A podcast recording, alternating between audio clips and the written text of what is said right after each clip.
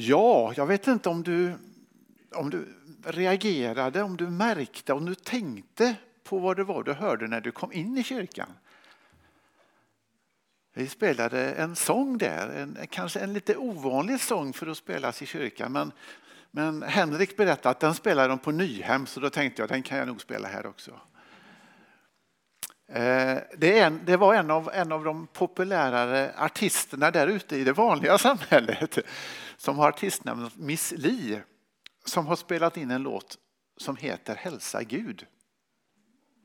Jag tänkte att jag skulle läsa texten där. Det här blir lite inledning till dagen. Så här går texten. Igår när jag var ute på krogen så träffade jag Jesus. Han satt där och tog en öl helt själv. Jag samlade mod och jag drog ett djupt andetag och gick fram och sa, jag behöver hjälp. Jag sa, hörru du, kan du hälsa Gud? Jag har en fråga som är rätt akut. Jag har försökt ringa men får inget svar. Vet inte om han hör. Så kan du hälsa Gud att jag behöver lite framtidstro. Någonting som ger mitt arma hjärta lite lugn och ro. Sorry om jag stör men världen är ju helt körd. Jag bjussar på en öl om du kan hälsa Gud att vi behöver bara lite hopp. Lite mindre krig och svält och fattigdom och hat och sånt. Varför är man här om livet är en enda misär? Ja, kan du hälsa Gud det här? Det, det, är ju lite spännande på många sätt att en artist där ute skriver en sån här sång och sjunger den. Och den är jättepoppis. Jag hörde den på radio, jag tror det var någon gång tidigt i våras, så där första gången. Så, där. så mm, det är inledningen till dagens möte. Ehm, jag har grubblat, funderat, bett till Gud några gånger, kanske många gånger om vad jag ska prata om. Och det knyter nog lite an till det som har varit på predikningarna den sista tiden. Vi var i Jo för några helger sedan på församlingsutflykt och då predikade hon om yttersta tiden. Eh, budskapet som jag tog till mig då var ju ehm, Känn ingen oro, du är trygg, du är i Guds händer. Sen eh, helgen efter, tror jag det var, så predikade Kurt här och som en del i det han predikade så berättade han om en, om en lite spännande märklig organisation i nordöstra USA som, som var en livräddarorganisation. Eh, den organisationen kanske inte var så spännande just nu men, men parallellen var ju till att vi faktiskt också kan betrakta oss som en livräddarorganisation. Och sen så är det ju aktuellt med, jag vet inte om det har varit det, men aktuellt med dopsamtal här. Så, så det, finns, det finns en del grejer som berör det som jag ska prata om idag. Jag tror det finns en röd tråd. För jag ska prata om resan hem till Gud.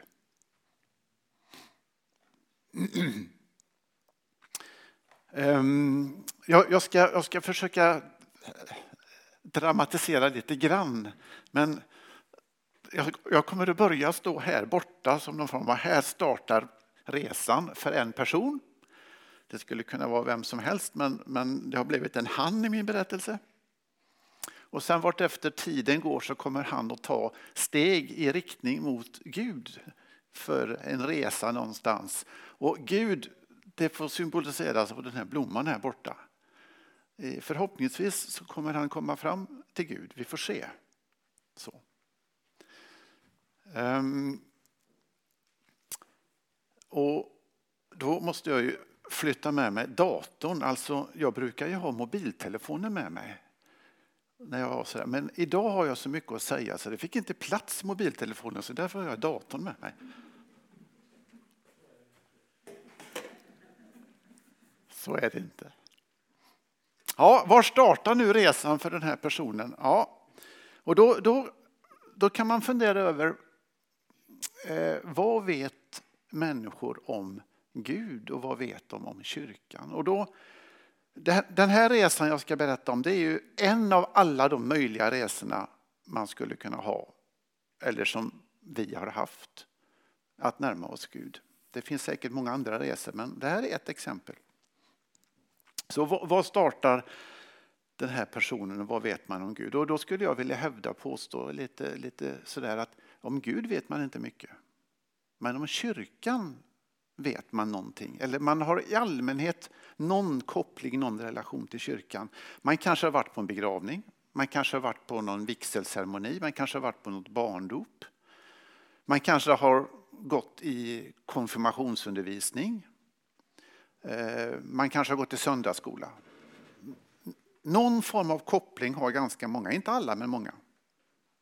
Men man har kanske inte tänkt så mycket mer än på att man hade en upplevelse av vad kyrkan var i det sammanhanget. Man kanske har lyssnat till någon präst men vad han sa har man oftast glömt bort eller inte sådär.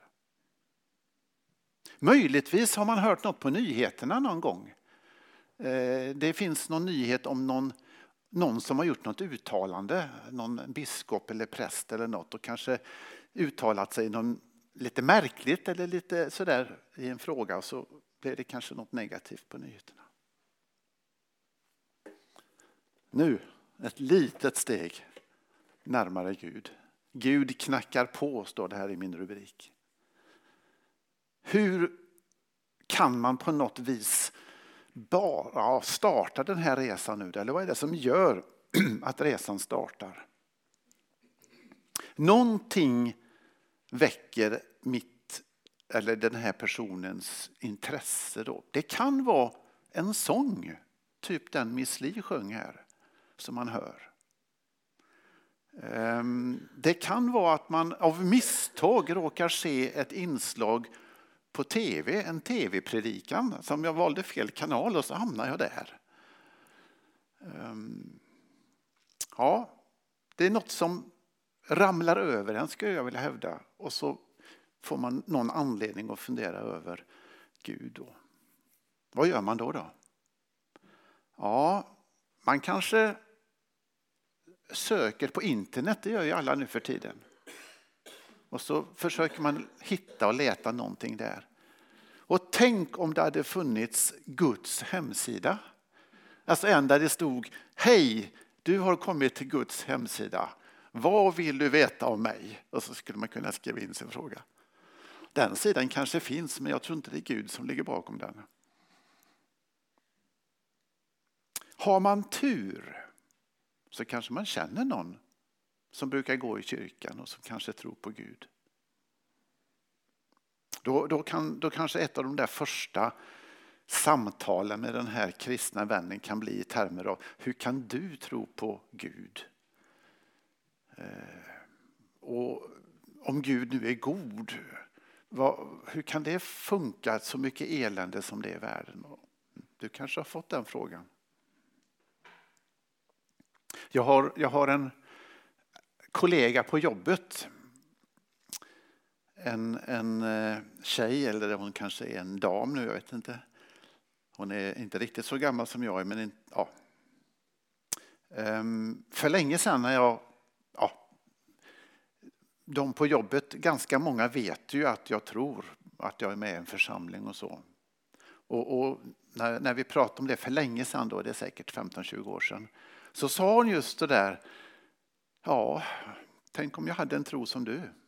Vad enkelt det hade varit, typ. Och nyligen, hon, hon har bytt avdelning lite grann så jag träffar henne inte så ofta nu för tiden. Men nyligen i våras så, så, berättade hon och hon var ganska glad när hon sa detta. Och jag tror hon sa det till mig med viss, viss glädje. Så hon berättade att hennes äldste son hade varit eh, ledare på konfirmationsläger. Och, och, eh, och så berättade om, om hans upplevelser och de där konfirmanderna och vilka, ja, och så vidare.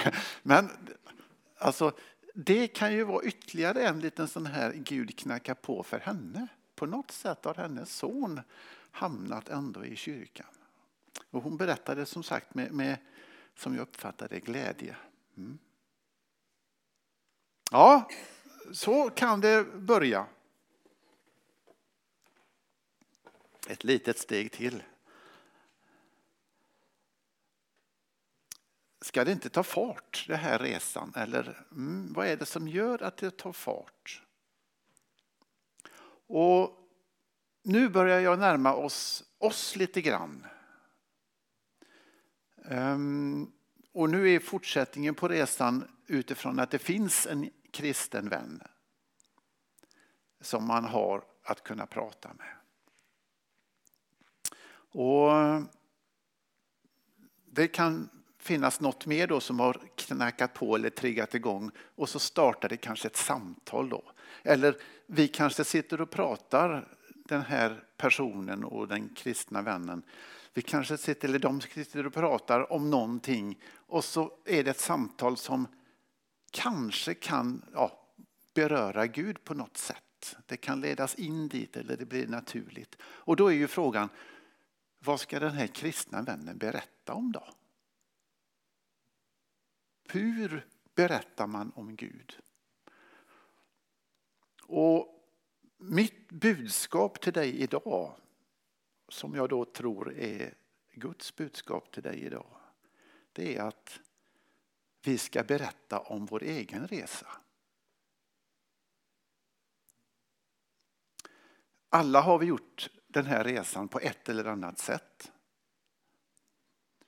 Den här eh, personen som nu är på väg, jag tror att den behöver höra en berättelse om en resa som stämmer överens med den personen, hans förutsättningar. Så det kanske inte är just min berättelse om Gud som är den rätta, men han kanske behöver höra många berättelser. Man kan börja med att berätta om sin resa.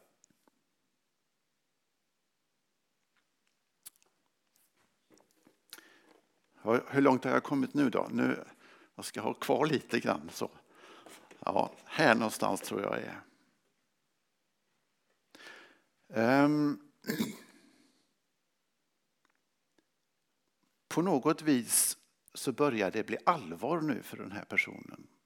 Nämligen att de små tillfällen och de samtal som vederbörande har haft har ändå, ändå lett så långt att jag måste nog ändå försöka få reda på lite mer eller börja fundera över finns det nu en Gud och hur är Gud och sådär. Och nu, nu vågar han sig på ett besök i en kyrka. Det är ett stort steg. Och vad möter han då? Och vad är det som eventuellt kan locka att gå vidare? Så, så nu blir det några typiska som skulle kunna varit minipredikningar eller något i en kyrka. Och så finns det lite sånger som kopplar till detta. Så det första som, som det skulle kunna pratas om, som skulle kunna attrahera eller som skulle kunna stämma med den här personen och så där, det är att, att det talas om ett bättre liv. Att finna ett eh, sammanhang, ett socialt sammanhang som fungerar. Den här personen han, han går och grubblar över vem är jag? Varför finns jag till? Finns det någon mening med livet? Vart är jag på väg? Det handlar mycket om rotlöshet. Att på något sätt hitta hem, ett bättre liv. Och då kanske de sjunger den här sången. Vilken trofasthet.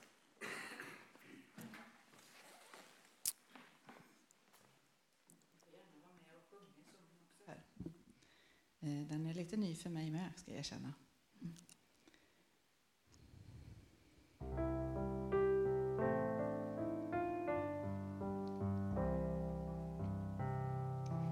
Vem är jag och varför finns jag till?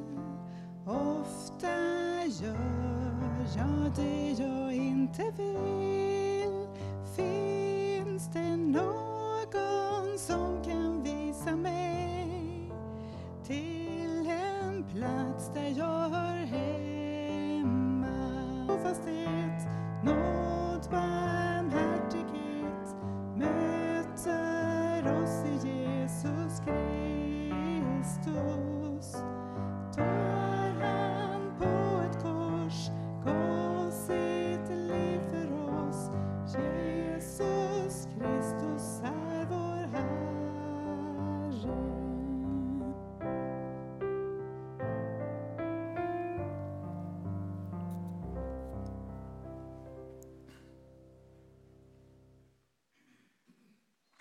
Ja, ett bättre liv.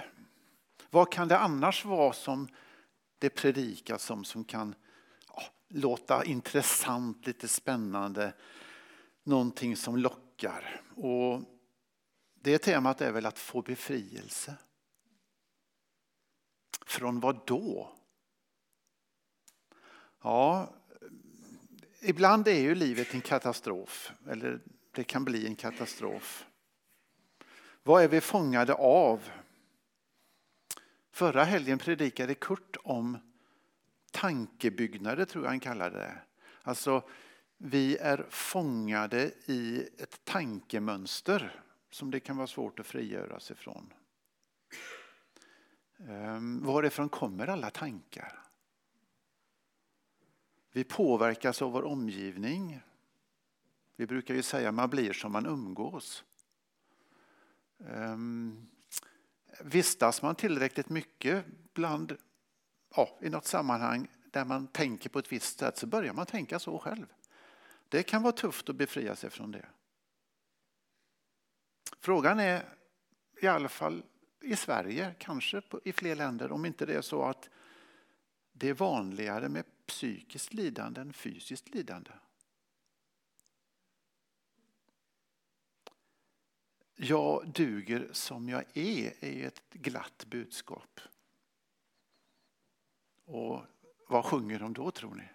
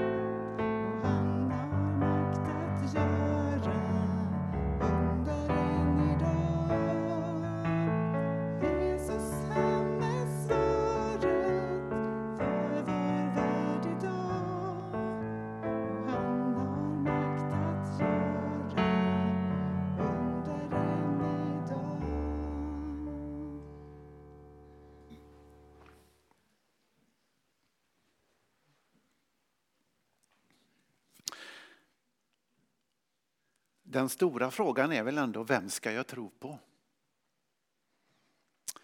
Um, tar jag ett långt kliv bakåt i historien så var kyrkan den som hade monopol på sanningen. Jag skulle nog vilja hävda, i alla fall i västvärlden, så här att någonstans därifrån kanske 300-400-talet fram till kanske 1500-1600-talet då var kyrkan den som hade monopol på sanningen. Nu säger jag inte att det var Gud som hade monopol på sanningen, men kyrkan hade monopol på sanningen. Det kan vara viss skillnad däremellan. Vad hände sen då? Ja, men sen kom vetenskapliga revolutionen. Det var då man började, ja, som man tycker, upptäcka hur allting fungerar, hur allting är. Och sen dess så har väl i princip vetenskapen haft monopol på sanningen. Eh, i alla fall om vi tar det generella, vad samhället tycker och tänker och förlitar sig på. Men nu helt nyligen så tycker jag faktiskt även vetenskapen har fått sig en och annan känga eller börjat bli ifrågasatt. Eller kanske snarare så här, nu kan nästan vem som helst hävda att man sitter på sanningen. Eh, jag tror jag berättade i någon annan gudstjänst om, om det här med influencers. De där som skapar sig en egen hemsida och börjar skriva vad de tycker. Och, och helt plötsligt så finns det massa människor som ja, följer deras hemsida, heter det ju. Det innebär att de, de är där och tittar ofta och, och, läser vad den här personen skriver. Och, och är det tillräckligt många som läser och det sägs tillräckligt ofta så blir det helt plötsligt en sanning. Men vem sitter på sanningen då? Ja, Jesus säger ju, jag är vägen, sanningen och livet. Så vi tror ju att Gud är sanningen. Men hur får man en tro? Handlar det om att vilja tro? handlar det om att våga tro. Min upplevelse är att tron växer efterhand. Det, det kommer liksom inte och så var det klart utan att det börjar någonstans i det väldigt lilla och så växer det. Det gäller bara att börja. Många hittar Gud genom hans skapelse. Eh, kanske framförallt i naturen. Så här kan man sjunga om man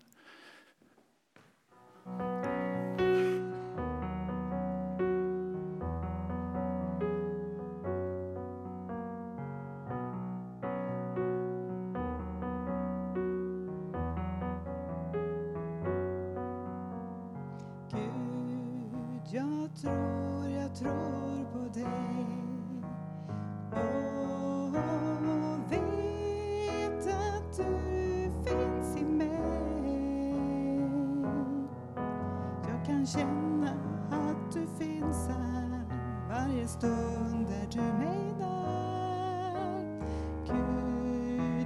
tror, jag tror på dig.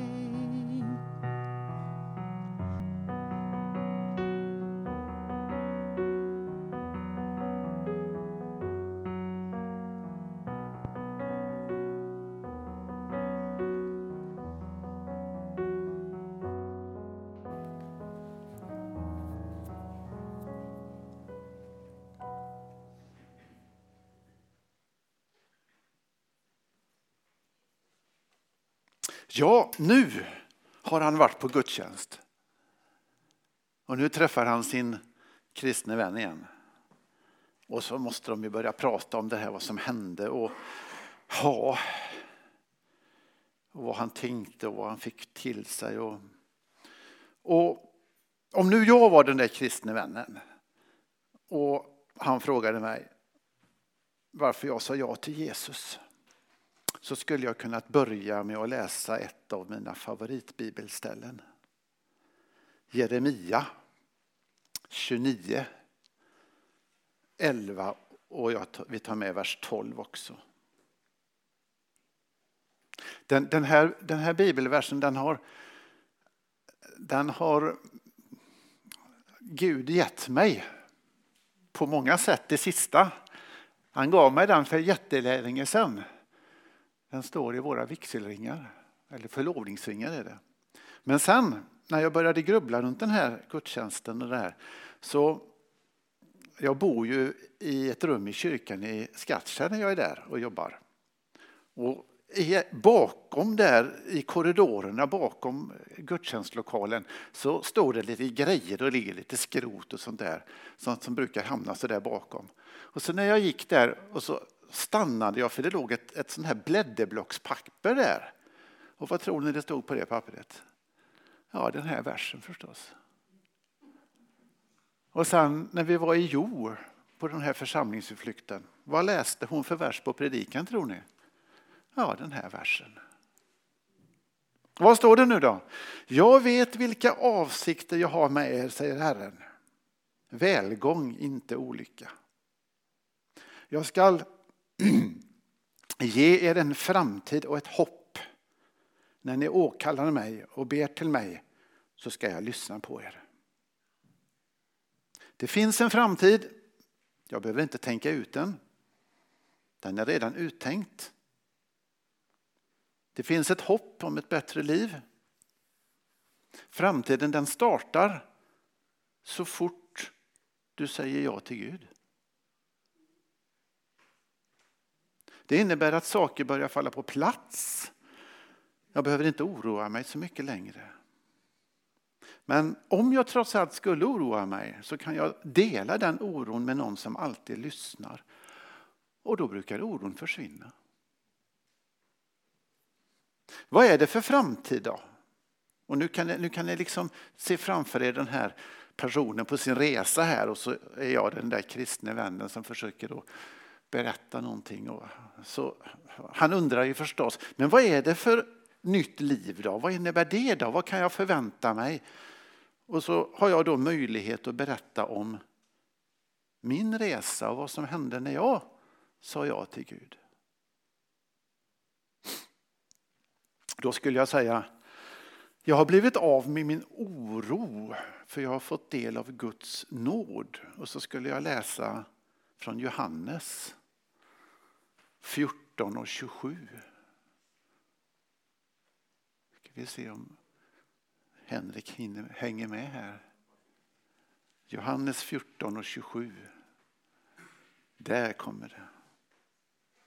Frid lämnar jag kvar åt er, min frid ger jag er.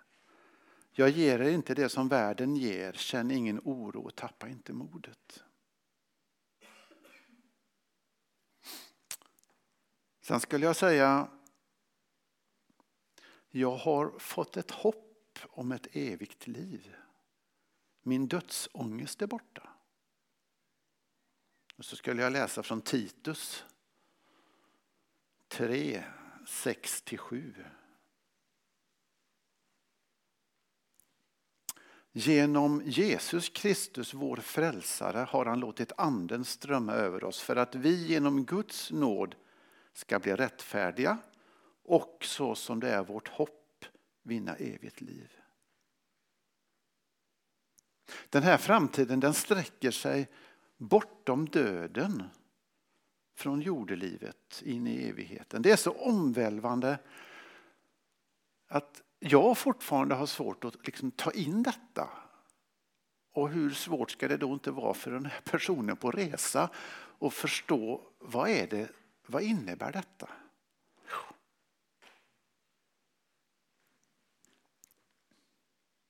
Jag skulle säga om livet efter ja till Jesus att jag har börjat tänka positivt om mina medmänniskor. Jag tänker goda tankar, kärleksfulla tankar. Johannes första brev 4 och 7. Mina kära, låt oss älska varandra till kärleken kommer från Gud och den som älskar är född av Gud och känner Gud. Jag, jag, egentligen så letade jag efter ett bibelställe, jag är inte hundra på att det finns, men jag, jag tror det finns ett bibelställe där det står om att Gud kan förvandla stenhjärtan till varma hjärtan. Men jag kanske hittar på. Men innebörden i det bibelstället som borde ha stått någonstans. Gud kan förvandla stenhjärtan till varma hjärtan. Det skulle jag läst i bibelstället.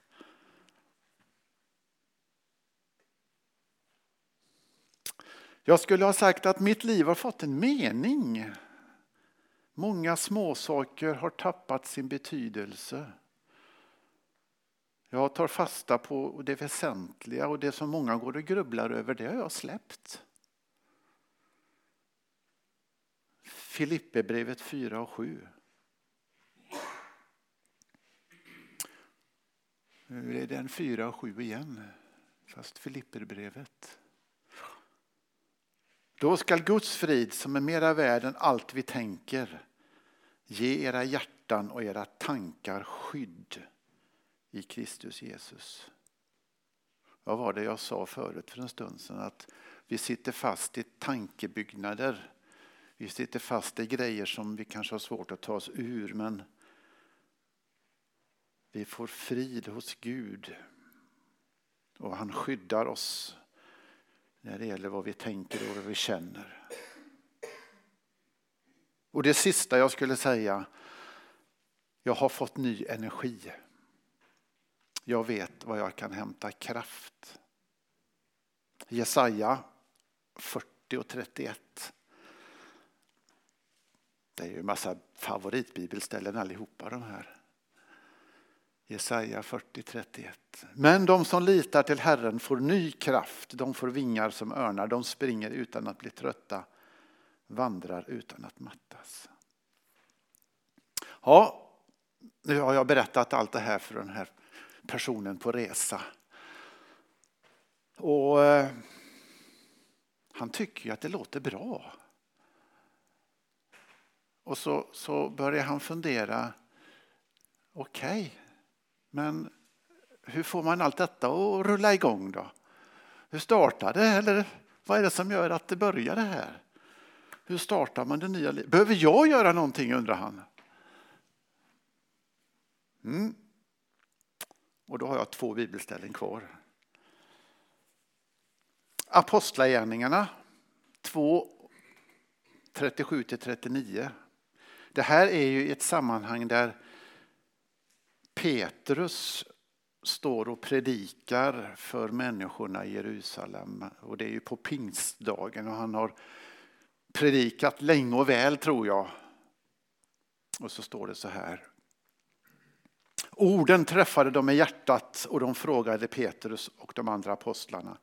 Bröder, vad ska vi göra? Och det var ju precis vad han undrade då. Och Petrus svarade. Omvänd er och låt er alla döpas i Jesu Kristi namn så att ni får förlåtelse för era synder. Då får ni den heliga anden som gåva. Till löftet gäller för er och era barn och alla de långt borta som Herren vår Gud vill kalla. Till dem får vi räkna oss. Och även den här mannen på resa får räkna sig dit. Och så sista bibelstället, Romarbrevet 10 och 9.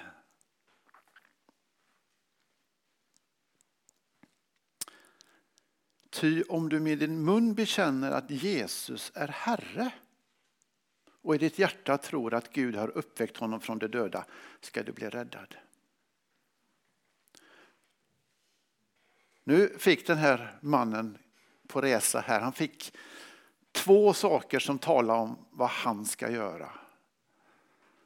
Han ska omvända sig och få förlåtelse för sina synder. Det låter jättebra. Det säger jag ja till direkt. Det andra då, om att bekänna Jesus som Herre. Det är inte lika lätt att säga ja till. Eller sådär. För vad gör man om man säger att någon annan är Herre?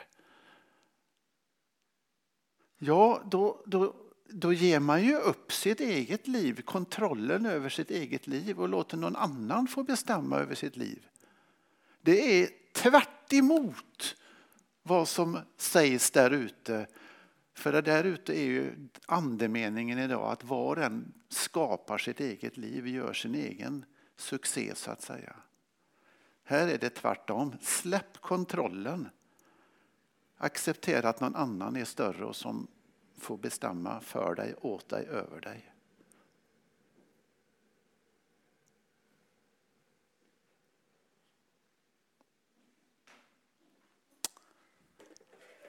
Nu flyttar jag hit. För nu är det sista steget innan jag har kommit till Gud. Och, det, och ta det där stora steget och säga ja. Varför ska det vara så svårt?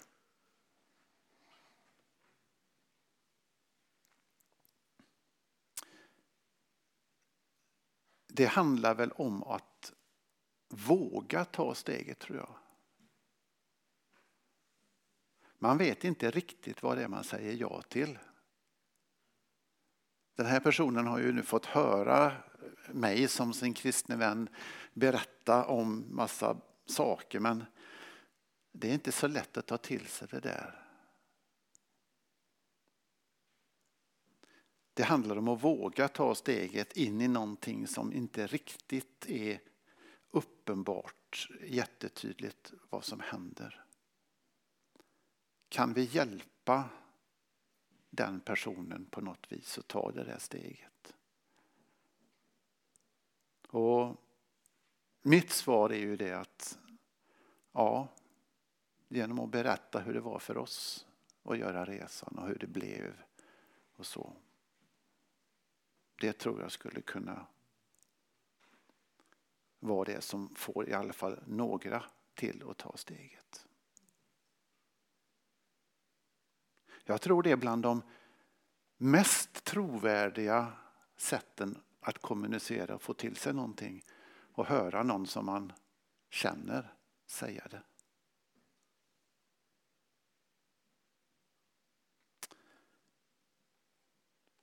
Nu kommer det en liten sång till snart och efter det så blir det bönestund. Så du kan ju fundera lite på vad du vill att vi ska be för.